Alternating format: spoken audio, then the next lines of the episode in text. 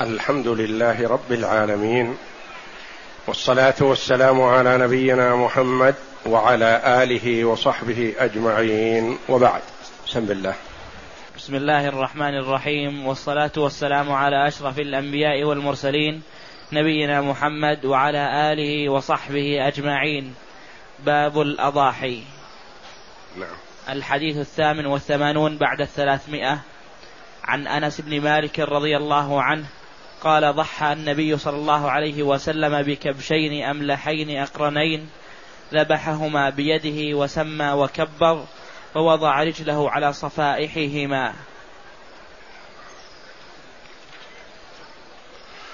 أورد المؤلف رحمه الله تعالى باب الأضاحي بعد باب الصيد لاشتراكهما في التذكية والذبح. والأضاحي سنة مؤكدة لمن قدر عليها. فالنبي صلى الله عليه وسلم ضحى وليست بواجبة وهي مستحبة عن الرجل وأهل بيته. يضحي الرجل عن نفسه وعن أهل بيته. فسنة رسول الله صلى الله عليه وسلم أنه ضحى عن نفسه وعن أهل بيته عليه الصلاة والسلام. خلافا لما يتوهمه بعض الناس بأن الأضحية خاصة بالميت وإنما قال العلماء يجوز أن يضحى عن الميت. يجوز أن يضحى عن الميت. فبعض الناس يتصور أنها عن الميت فالمرء إذا كان والداه موجودين ما كأنه يخطر على باله أن يضحي. وإنما الاضحيه عن الرجل وأهل بيته. شكرا لله جل وعلا على ترادف وتتابع نعمه وعلى نعمة الصحة والعافية والقدرة على ذلك. وقد ورد ذكرها في القرآن العزيز وفي السنة المطهرة. النبي صلى الله عليه وسلم ضحى وأجمع على ذلك علماء المسلمين بأنها مشروعة فهي اذا مشروعة في الكتاب والسنة والإجماع.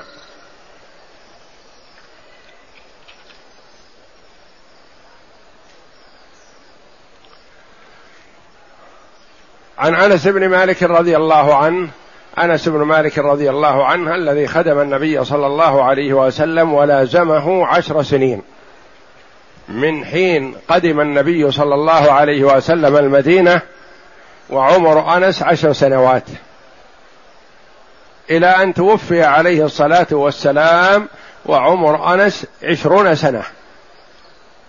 وانس رضي الله عنه اتت به امه إلى النبي صلى الله عليه وسلم فقالت يا رسول الله ما من أحد من أهل المدينة إلا ويحب أن ينحلك يعطيك شيء. وإني أود أن تقبل ابني هذا خادما لك. فقبله النبي صلى الله عليه وسلم ولازم النبي صلى الله عليه وسلم عشر سنين ودعا له النبي صلى الله عليه وسلم بطول العمر وكثرة المال والولد وأن يغفر له يغفر الله له. فطال عمره رضي الله عنه حتى تجاوز المئة. وكثر ولده. يقال أنه دفع ما دفن من ولده لصلبه قرابة 170 واحد من صلبه من أولاده. غير الذين بقوا بعد موته رضي الله عنه. وكان رضي الله عنه في آخر حياته في السنتين الأخيرتين من حياته ما كان يستطيع الصيام صيام رمضان فكان رضي الله عنه إذا دخل رمضان جمع ثلاثين مسكينا وأطعمهم طعاما يشبعهم وأفطر رمضان رضي الله عنه. وكان فكره موجود وباق. ف وكان بستانه وبساتينه فيها خير وفيها ثمر عظيم. وكانت تثمر في السنة مرتين. نخيل البصرة كان في البصرة رضي الله عنه. آه نخيل البصرة كانت في السنة مرة وأشجارها في السنة مرة. ونخل وشجر أنس رضي الله عنه يثمر في السنة مرتين ببركة دعوة النبي صلى الله عليه وسلم. عن أنس بن مالك رضي الله عنه قال ضحى النبي صلى الله عليه وسلم بكبشين. الكبش يطلق على الواحد من آه، الضأن. بكبشين أملحين. الأملح هو الأسود الذي فيه بياض أو بياضه أكثر من سوادة أو بياض فيه حمرة أو سواد فيه صفرة وقيل فيه أقوال لكن الظاهر والله أعلم أرجحه أنه كثير البياض مع السواد. أقرنين يعني لهما قرنان. واتفق العلماء على أن الأقرن أفضل من الأجم وإن كان الأجم مجزئ فهو لا إشكال في إجزائه لكن إذا كان أقرن فهو أفضل.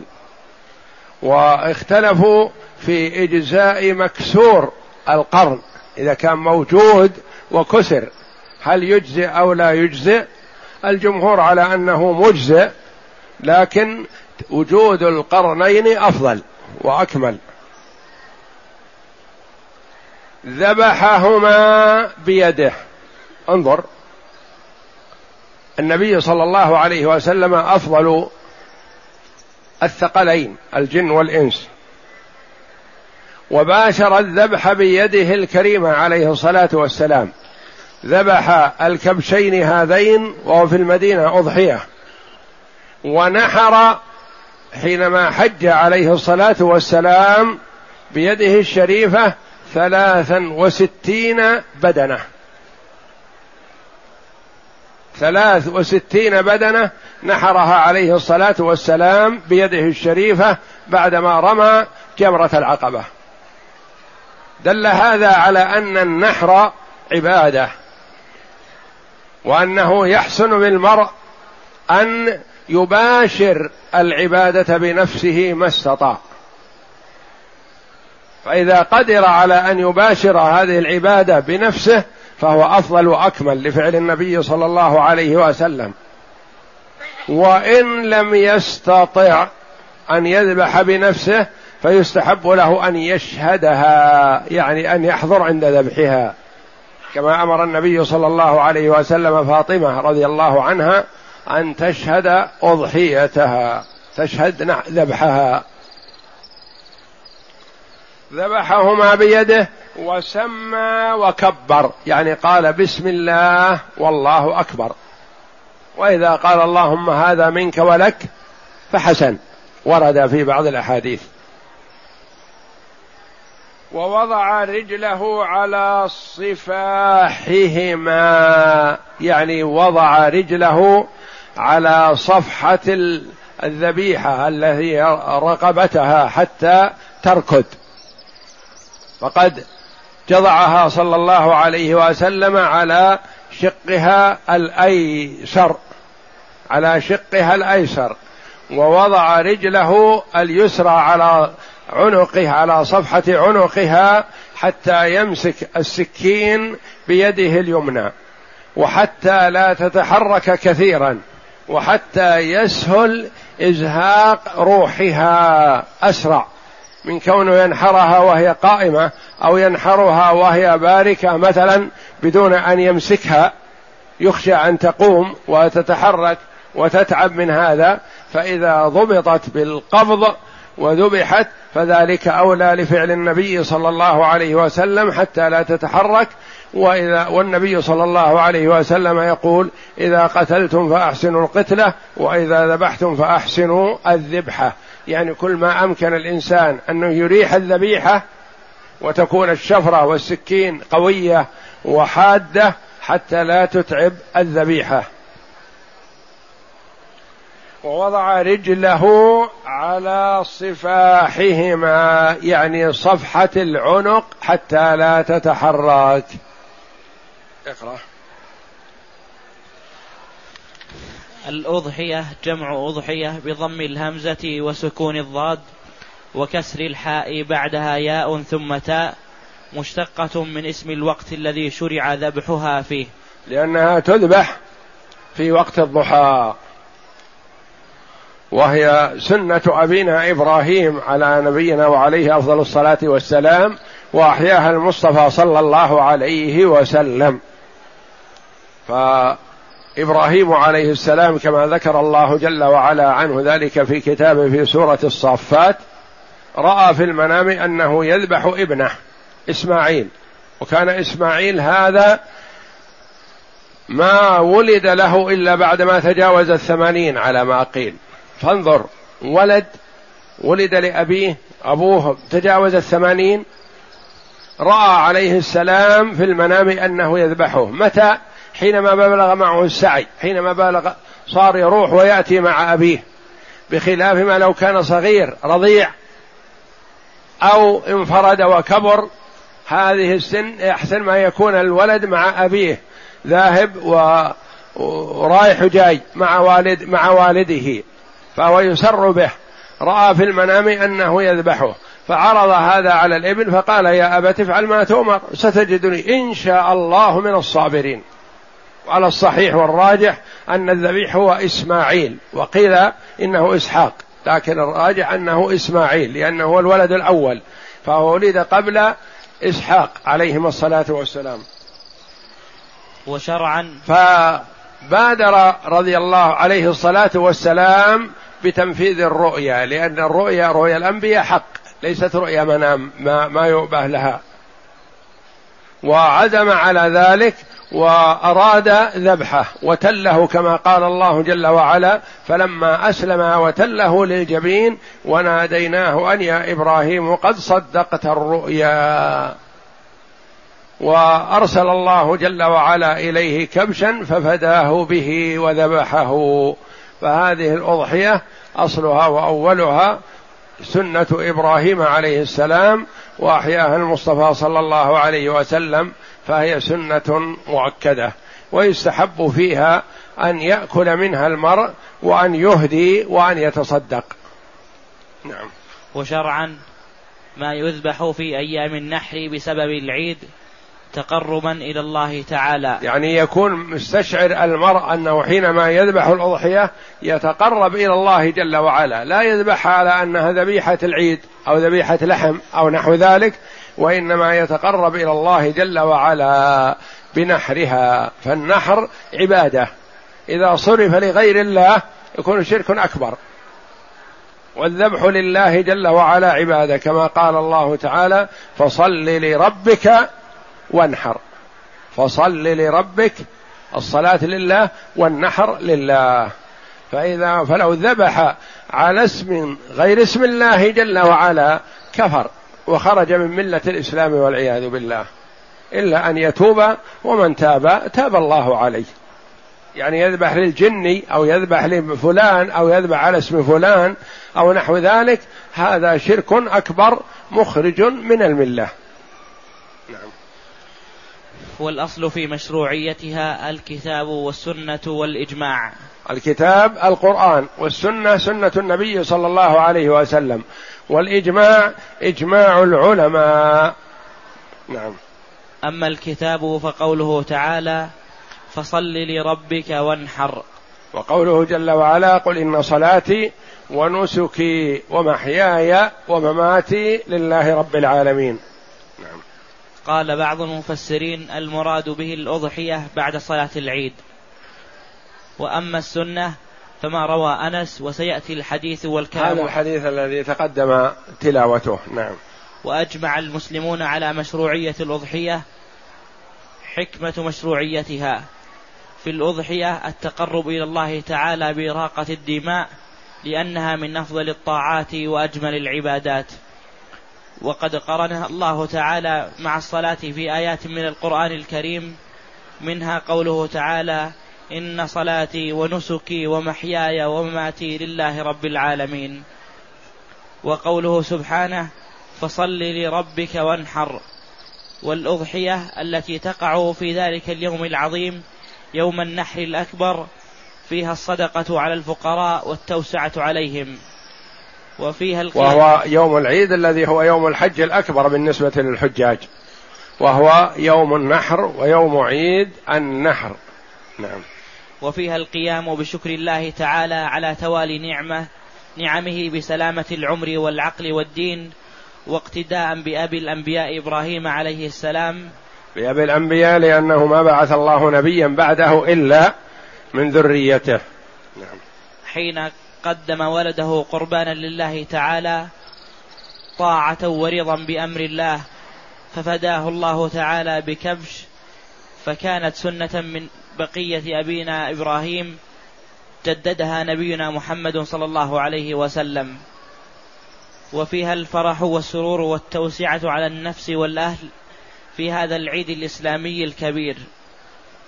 وفيها حكم وأسرار لله تعالى تدرك منها تدرك منها الأفهام والعقول بقدر طاقاتها والأصل في الأضحية أنها للأحياء. الأصل أنها للأحياء لأن النبي صلى الله عليه وسلم ضحى عن نفسه وأهله. نعم. ويجوز أن تجعل صدقة عن الموتى وفيها ثواب وأجر لهم. لكن يوجد في بعض البلاد أنهم لا يكادون يجعلونها إلا للموتى فقط. فكأنهم يظنون أن الأضحية خاصة للموتى. ولذا فإن الحي منهم يندر أن يضحي عن نفسه. فإذا كتب وصية أول ما يجعل فيها أضحية أو ضحايا على حسب يسره وعسره ويندر أن يوصي. ويندر أن يوصي الموصي بغير الأضحية. وجد يعني بعض الناس كان في حال الحياة ما يضحي عن نفسه.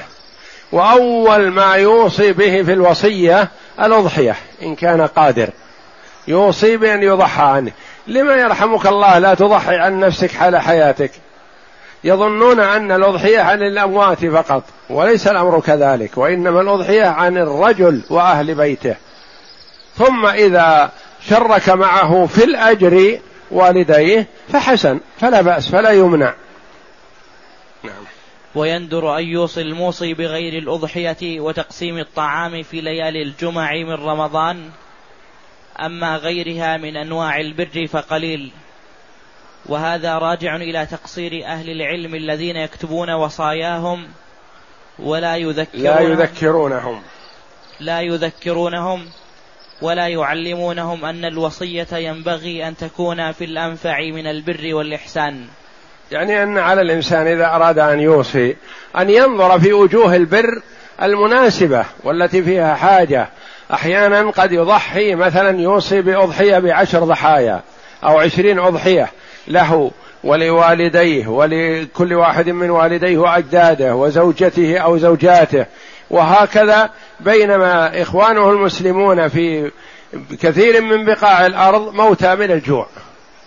فسد حاجتهم وإشباعهم عن عن الجوع الذي قتلهم أولى من تكرار وتكثير الضحايا مثلا.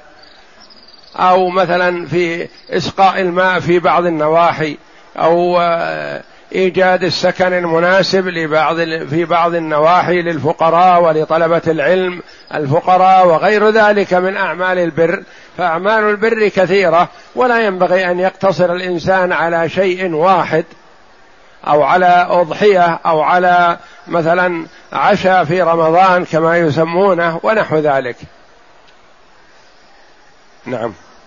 والأضحية وإن كانت فضيلة وبرا وإحسانا إلا أنه يوجد في بعض جهات في بعض جهات من البر ربما تكون أحسن منها. نعم. غريب الحديث كبشين الكبش هو الثاني إذا خرجت رباعيته وحينئذ يكون عمره سنتين ودخل في الثالثة عمره سنتين وأما العمر المجزي أقل ما يجزي في الأضحية الضان ما له ستة أشهر والمعز ما له سنة. والبقر ما له سنتان. والإبل ما له خمس سنين. نعم. أملحين الأملح من, الكب... من الكباش هو الأغبر الذي فيه بياض وسواد وبياضه أكثر من سواده. صفائحهما بكسر الصاد والحاء المهملتين. قال في النهاية صفحة كل شيء وجهه وجانبه والمراد هنا صف صفاح أعناقها. يعني صفحة العنق نعم.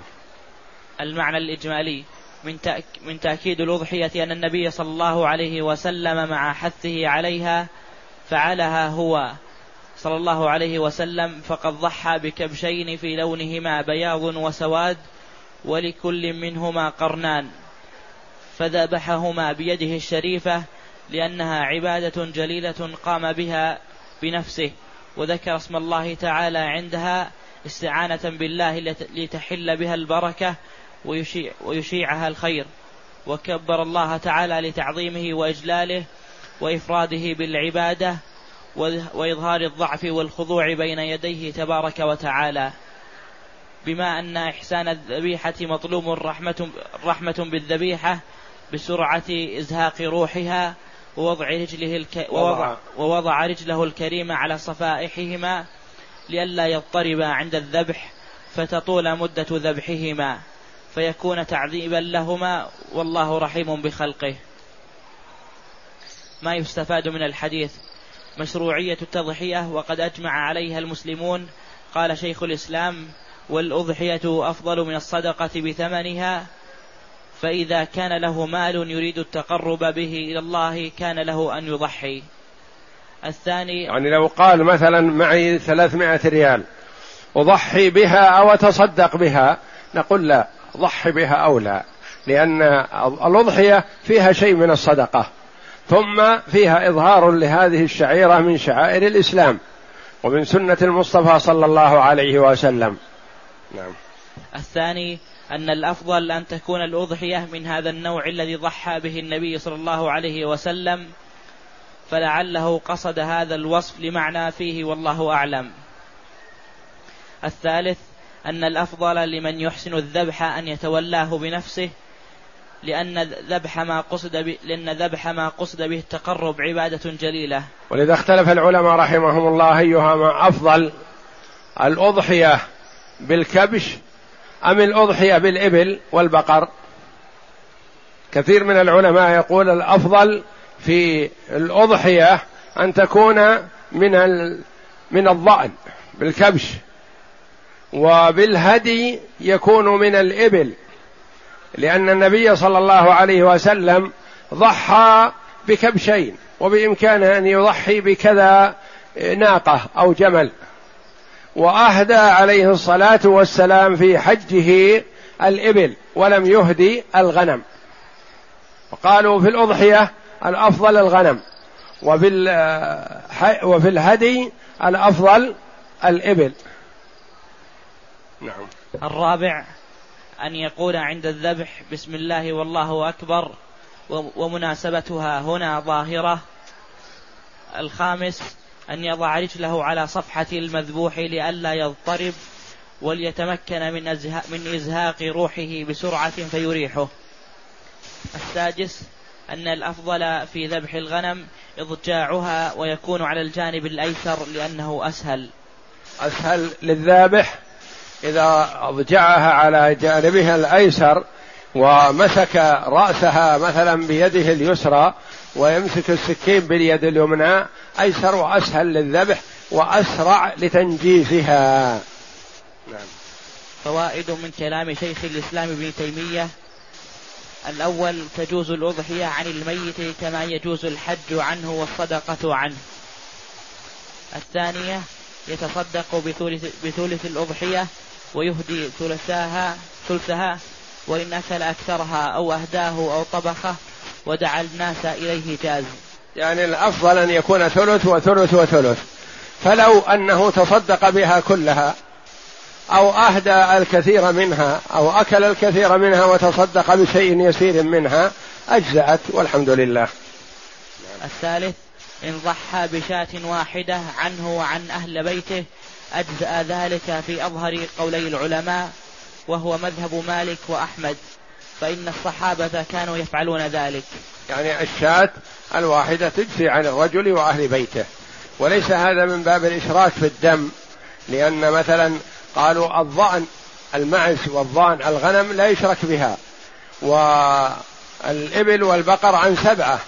فالإبل والبقر تكون عن سبعة يعني سبعة أشخاص يضحون بكل واحد له سبع. أما الغنم فلا تكون الأضحية الغنمة إلا عن واحد وله أن يكون معه أهل بيته. يعني تكون عن الرجل وأهل بيته مهما كثروا. لكن ما تكون عن ثلاثة بيوت أو أربعة بيوت مثل الإبل والبقر تكون عن سبع أضاحي.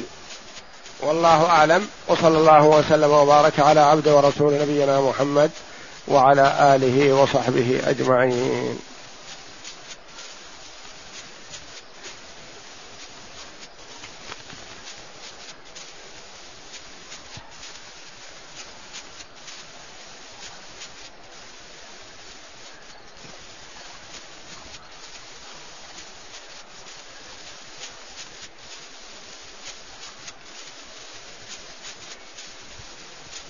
يقول السائل ابن أخي تزوج ابنتي ودخله الشهري قليل يذهب نصفه للأجار الشقة فهل يجوز أن نعطيه من الزكاة؟ وهل يلزم إخباره أنها زكاة؟ لا أريد أن نجرح مشاعره. أما إعطاؤه من الزكاة ما دام ابن أخيك وزوج ابنتك فلك أن تعطيه من الزكاة لا حرج لأن كونه ابن أخيك أو كونه زوج ابنتك لا يمنع من إعطائه من الزكاة. وإنما من حيث الإخبار إن كنت تعرف أنه يأخذ الزكاة من غيرك وهو فقير فادفع له الزكاة ولو لم تخبره. وأما إذا كنت تشك في هذا فلا بد من إخباره.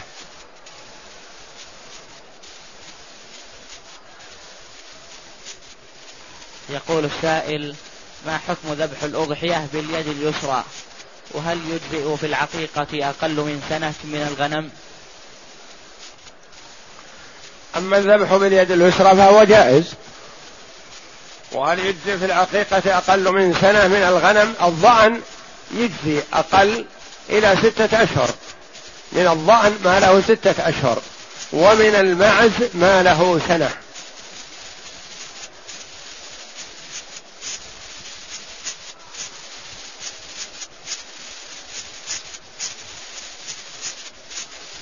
يقول السائل هل يجوز أن يشتركوا في الأضحية سبعة من سبعة في الغ... ويشتركون إبلا وبقرة نعم يجوز أن يشترك السبعة في بدنة يضحون بها عن أنفسهم. سبعة سبعة رجال سبع أسر يضحون ببدنة بينهم أو ببقرة يشتركون في قيمتها ويذبحونها مثل الهدي. لأن الهدي والأضحية في الإجزاء سواء.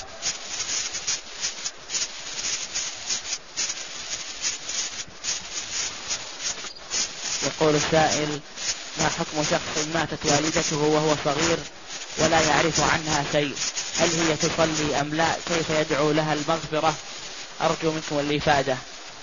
على الولد أن يحسن الظن بوالديه. ما دام ما يعرف عنهما الكفر وهما نشأ في بلاد الإسلام فيدعو لهما ويترحم عليهما ولا يمنعه ذلك أنه لم يدركهما يصليان. ما يدري أن يدعو لهما لأن للوالدين حق.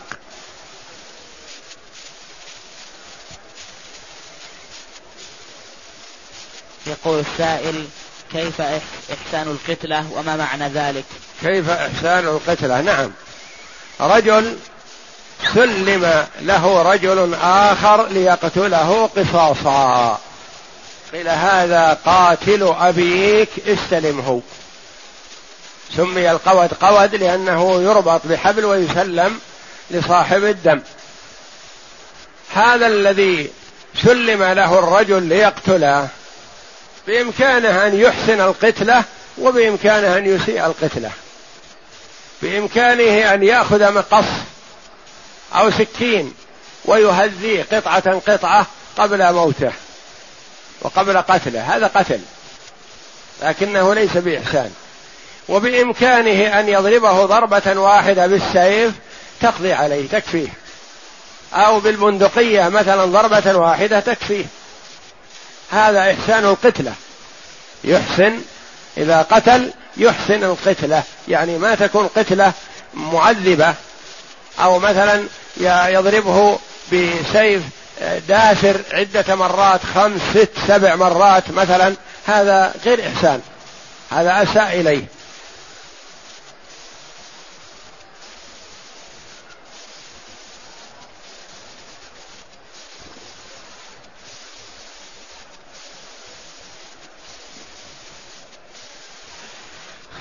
يقول سائل في الكلية ندرس, ندرس من الساعة الثانية ظهرا حتى الواحدة.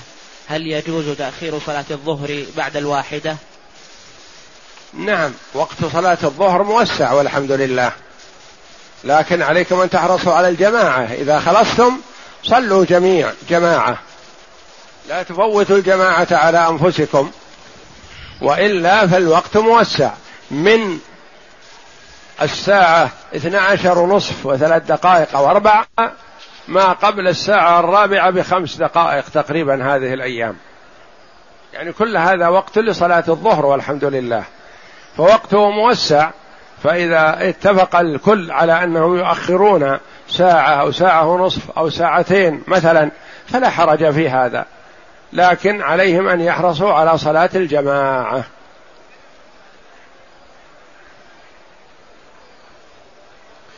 يقول السائل هل تجوز الأضحية عن الميت؟ من حيث الإجزاء تجزئ. والناس في هذا ثلاثة أصناف. صنف يرون أن الحي أن الأضحية عن الميت فقط. وصنف يرى أن الأضحية عن الميت ما تصح. والوسط هو الصحيح والله أعلم.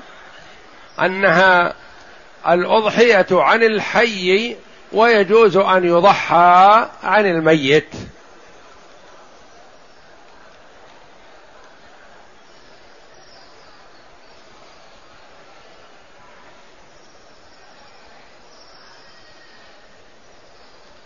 وهل تجزئ الأضحية المبتورة نصف نصف الأذن؟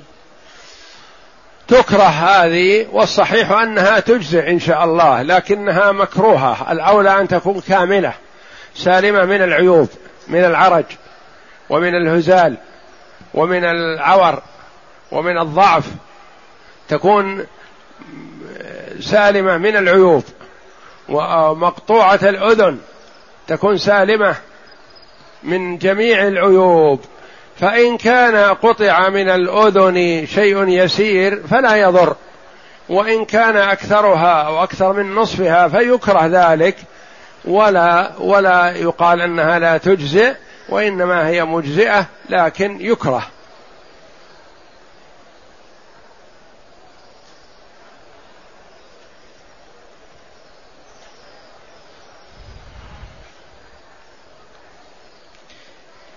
يقول السائل إذا أقرض الولد أباه مبلغا من المال موثق بشهود هل له مطالبته في حياته؟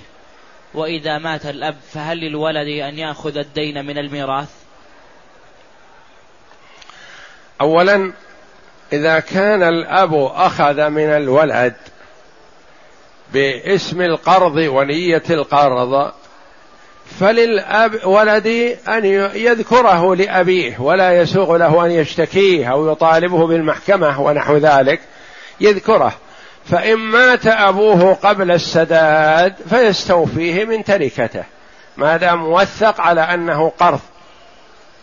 وأما إذا أخذه الأب بنية التملك لأن الولد مستغن عنه والوالد في حاجة إليه. فأخذه بنية التملك فليس للولد مطالبة أبيه ولا مطالبة الورثة بعد الموت.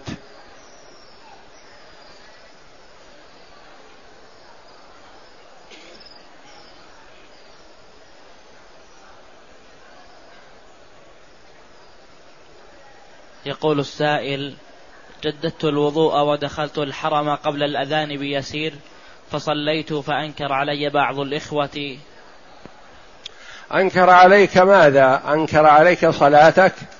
النبي صلى الله عليه وسلم يقول إذا دخل أحدكم المسجد فلا يجلس حتى يصلي ركعتين. ولا ينبغي لل... لل... للإنسان أن ينكر على أخيه إلا عن علم. إذا كان متيقن أن ما ينكره منكر وأما إذا لم يكن عنده علم فلا يجوز له لأنه قد ينكر المعروف قد ينكر السنة. والنبي صلى الله عليه وسلم قال إذا دخل أحدكم المسجد فلا يجلس حتى يصلي ركعتين ورد الحديث في النهي عن الصلاة في أوقات محددة أوقات النهي الخمسة. من طلوع الفجر إلى طلوع الشمس ومن طلوع الشمس إلى ارتفاعها قدر الرمح. وحين تقف الشمس في وسط السماء ومن صلاة العصر إلى أن تتضيف الشمس للغروب ومن هذا الوقت إلى أن تغرب كاملة. خمسة أوقات. نهينا عن الصلاة فيها. قال العلماء المراد والله أعلم نهي عن التنفل المطلق. وأما ذوات الأسباب فتفعل في هذه الأوقات وفي غيرها. ومن من ذوات الأسباب قوله صلى الله عليه وسلم إذا دخل أحدكم المسجد فلا يجلس حتى يصلي ركعتين. والنبي صلى الله عليه وسلم كان يخطب الجمعة فدخل رجل فجلس. فقطع النبي صلى الله عليه وسلم خطبته وقال أصليت ركعتين؟ قال لا. قال قم فصل ركعتين. كون النبي صلى الله عليه وسلم توقف عن الخطبة وخاطب الرجل هذا يدل على أهمية صلاة ركعتين تحية المسجد. من ذلك مثلا إذا قدمت الصلاة قدمت الجنازة بين يدي الإمام بعد صلاة العصر. نقول لا ما نصلي على الجنازة لأن الوقت وقت نهي. لا. نصلى على الجنازة لأن ذات الأسباب. المرء يقرأ القرآن جالس في المسجد. يقرأ فمر بآية فيها سجدة بعد العصر. يسجد لأن هذا سبب. الرجل طاف بالبيت شرفه الله سبعة أشواط بعد العصر. أو بعد الفجر. فبعد ما انتهى من الطواف أراد أن يصلي ركعتين. سنة. نقول له لا تصلي الوقت وقت نهي. والنبي صلى الله عليه وسلم يقول يا بني عبد مناف لا تمنعوا أحدا طاف بهذا البيت وصلى فيه أي ساعة شاء من ليل أو نهار. فما ينبغي للإنسان أن ينكر حتى مواطن الخلاف مثلا لأن للعلماء رحمهم الله قولان في في الصلاة وقت النهي ذوات الأسباب. منهم من يغلب حديث إذا دخل أحدكم المسجد فلا يجلس حتى يصلي ركعتين يقول ذوات الأسباب مستثنات. ومنهم من يقول النهي عن الصلاة مطلق فلا يصلى لا ذوات الأسباب ولا غيرها. والخلاف بين العلماء رحمهم الله من زمن. فلا حرج على من جلس ما ننكر عليه ومن صلى لا ننكر عليه. فما ينبغي أن ننكر إلا على من خالف سنة صريحة. إذا كان مثلا يجهل نرشده وإذا قال لا أعرف هذا لكن أرى كذا نقول أنت وشأنك ما ننكر عليه.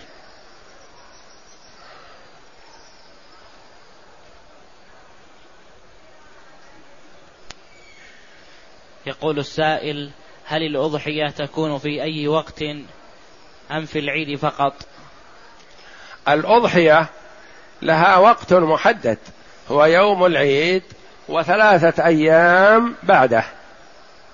يوم العيد يوم عيد الإضحى اليوم العاشر من ذي الحجة والحادي عشر والثاني عشر والثالث عشر أيام التشريق الثلاثة على الصحيح.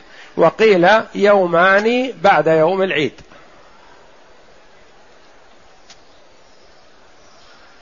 يقول السائل إذا كان جيران الإنسان أغنياء فهل يعطيهم من الأضحية؟ يستحب ذلك حتى وإن كانوا أغنياء لأن الأغنياء يهدى عليهم هدية والفقراء يتصدق عليهم صدقة فيستحب هذا.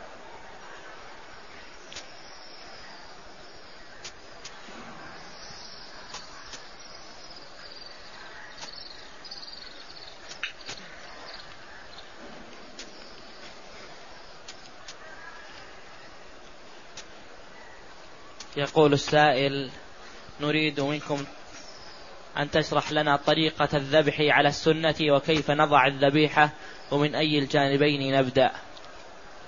الذبح على السنة كما ظهر في حديث رسول الله صلى الله عليه وسلم فيما رواه أنس. كان يجضع الذبيحة على يسارها وإن وضع إحدى يديها التحتية تحت عنقها ووضع رجله على عنقها حتى لا تتحرك ويذبحها باليد اليمين. مستقبلا بها القبلة استحبابا. يسمي ويذكر الله يقول بسم الله والله أكبر. وإن قال اللهم هذا منك ولك فحسن.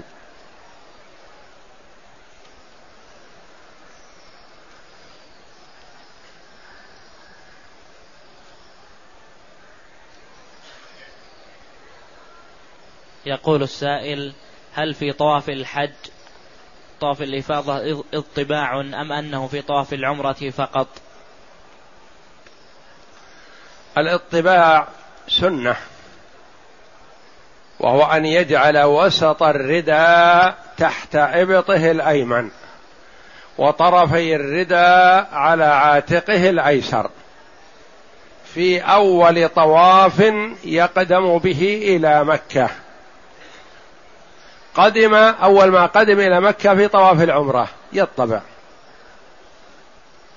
قدم إلى مكة أول طواف قدم به طواف القدوم حاج مفرد. الطواف الأول يسمى طواف القدوم يطبع. طواف الإفاضة جاء للحج مباشرة إلى عرفات أو إلى منى. ثم من منى إلى عرفات ثم من عرفات إلى مزدلفة ثم إلى منى ثم دخل مكة. يستحب له أن يطبع لأن هذا طواف الإفاضة أول طواف قدم به إلى مكة. فالاطباع مستحب في أول طواف تقدم به إلى مكة وأنت محرم.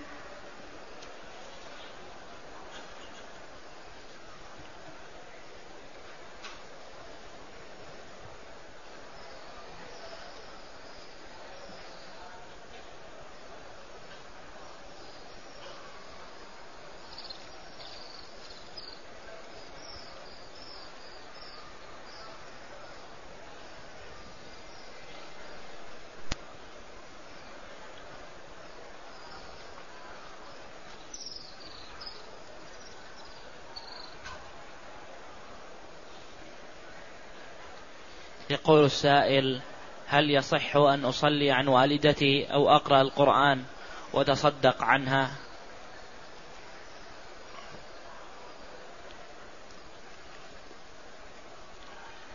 يقول هل يصح أن أصلي عن والدتي وأقرأ القرآن وأتصدق عنها؟ نقول هذه سؤال عن ثلاث فقرات. منها ما ورد عن النبي صلى الله عليه وسلم وهذا لا إشكال فيه. ومنها ما لم يرد فاختلف العلماء فيه رحمة الله عليهم. منهم من قال نقيس هذا الفعل الذي لم يرد على ما ورد فنجيزه. ومنهم من قال نتوقف على ما ورد عن النبي صلى الله عليه وسلم ولا نجيز ما سواه. فمثلا الصدقة وردت عن النبي صلى الله عليه وسلم. جاء سعد رضي الله عنه فقال يا رسول الله إن أمي افتلتت نفسها وأظنها لو تكلمت تصدقت. يعني جاءها الموت فجأة. فهل ينفعها إن تصدقت عنها؟ قال النبي صلى الله عليه وسلم نعم. هذا لا إشكال في صدقة. قراءة القرآن والصلاة. قال بعض العلماء نقيس ما لم يرد من الصلاة والقراءة على ما ورد من الصدقة. آخرون قالوا لا. الأمور التشريعية توقيفية. ما ورد أن النبي صلى الله عليه وسلم أذن لأحد أن يصلي عن أحد. وما أذن صلى الله عليه وسلم لأحد أن يقرأ عن أحد. وإنما يقرأ لنفسه ويصلي لنفسه ويدعو لمن أحب. فالدعاء لا إشكال فيه لأنه وارد. والصدقة لا إشكال فيها لأنها واردة. الصلاة قالوا ما وردت فما يؤمر أحد أن يصلي عن أحد. وقراءة القرآن ما وردت. اقرأ لنفسك وادعو لوالديك ولمن أحببت. ولعل هذا أولى والله أعلم ليكون عمل المرء على وفق السنة. لأنه إذا صلى عن أبيه ركعتين هذا مشكوك فيه. محل خلاف. قرأ القرآن وأهدى ثوابه لأبيه أو لأمه مشكوك فيه. قرأ القرآن وتقرب إلى الله بالقراءة ودعا لأبيه وأمه. هذا لا إشكال فيه. صلى وكلما دعا لنفسه في صلاته أو خارج الصلاة دعا لوالديه. رب اغفر لي ولوالدي. اللهم اعتق رقبتي ورقاب والدي ووالديهم من النار. اللهم افسح لي ولوالدي ووالديهم في القبور. ونور لي ولهم فيها. وهكذا يدعو لوالديه لكن الصلاة يصلي لنفسه. ويدعو لوالديه ووالديهم ولمن تعلم منه ولمن أحسن إليه ولمن عرف من إخوانه المسلمين ولمن لم يعرف.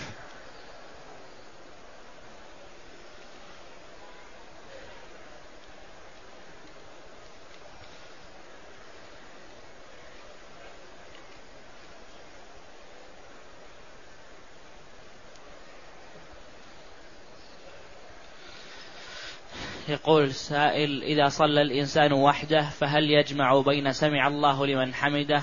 واللهم ربنا ولك الحمد أو يكفي نعم. بأحدهما. نعم إذا الإمام والمنفرد يقولان سمع الله لمن حمده حال الرفع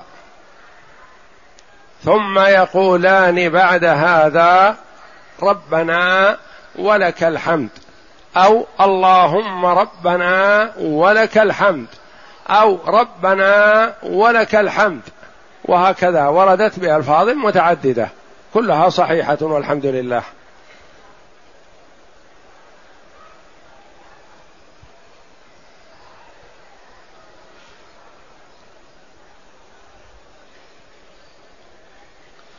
يقول السائل هل يجوز تقبيل الحجر الأسود بدون طواف؟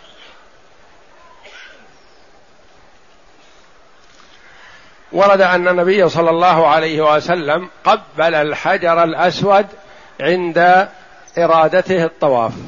وكلما حاذ الحجر الأسود قبله أو استلمه.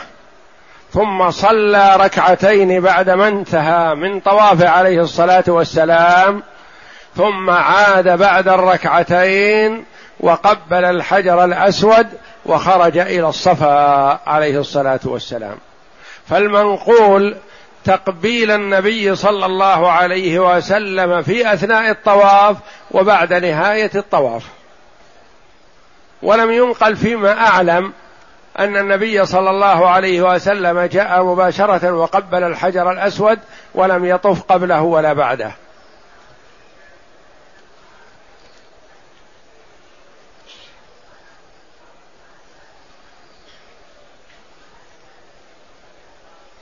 يقول السائل متى يدخل الوقت لصلاة الضحى ومتى ينتهي؟ وقت صلاة الضحى يبدأ من بعد طلوع الشمس وارتفاعها قدر رمح. يعني بعد طلوع الشمس بربع ساعة تقريبا أو قبل هذا بقليل. يعني عندك الشروق مذكور في ورقة التقويم الشروق كذا. بعد الشروق بربع ساعة حان وقت صلاة الضحى. متى؟ إلى أن تكون الشمس في وسط السماء قبل الزوال. إذا زالت دخل وقت صلاة الظهر. وقت وقوفها في وسط السماء ثوان دقيقة. قليلة جدا. تقف في وسط السماء. بهذا ينتهي وقت صلاة الضحى. ومن صلى الضحى بعد طلوع الشمس لكونه جلس في مصلاه بعد صلاة الغداة بعد صلاة الفجر يذكر الله هذا خير. وإذا كان لقصد صلاة الضحى فقط فتأخيرها إلى وقت الظهيرة قرب الظهيرة يعني حينما تشتد حرارة الشمس أفضل. إذا أراد صلاة الضحى فقط فنقول حينما ترمض الفصال يعني يكون الفصيل بجوار أمه يرفع رجلا ويضع رجلا من حرارة الشمس وقت الرمضه هذا أفضل. بخلاف الذي جلس بعد صلاة الفجر في مصلاه فهذا فضله حصل على صلاة الضحى وعلى فضيلة الجلوس في المصلى يذكر الله إلى أن تطلع الشمس ويصلي ركعتين. هذا ورد في الأحاديث أجر حجة وعمرة أو كما قال صلى الله عليه وسلم.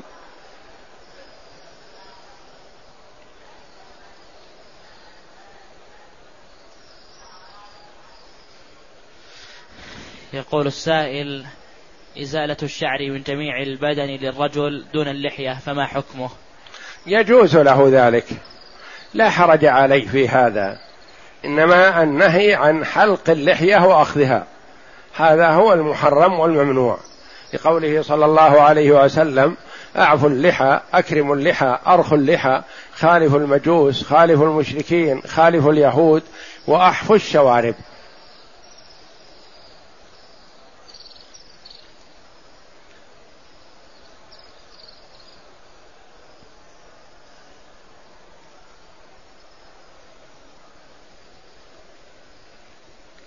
يقول السائل دخلت المسجد الحرام المسجد الحرام من غير إحرام ونية العمرة وبعض وبعض بعضهم قالوا تحرم بعد ثلاثة أيام من دخول مكة تؤدي العمرة فما هو الصحيح؟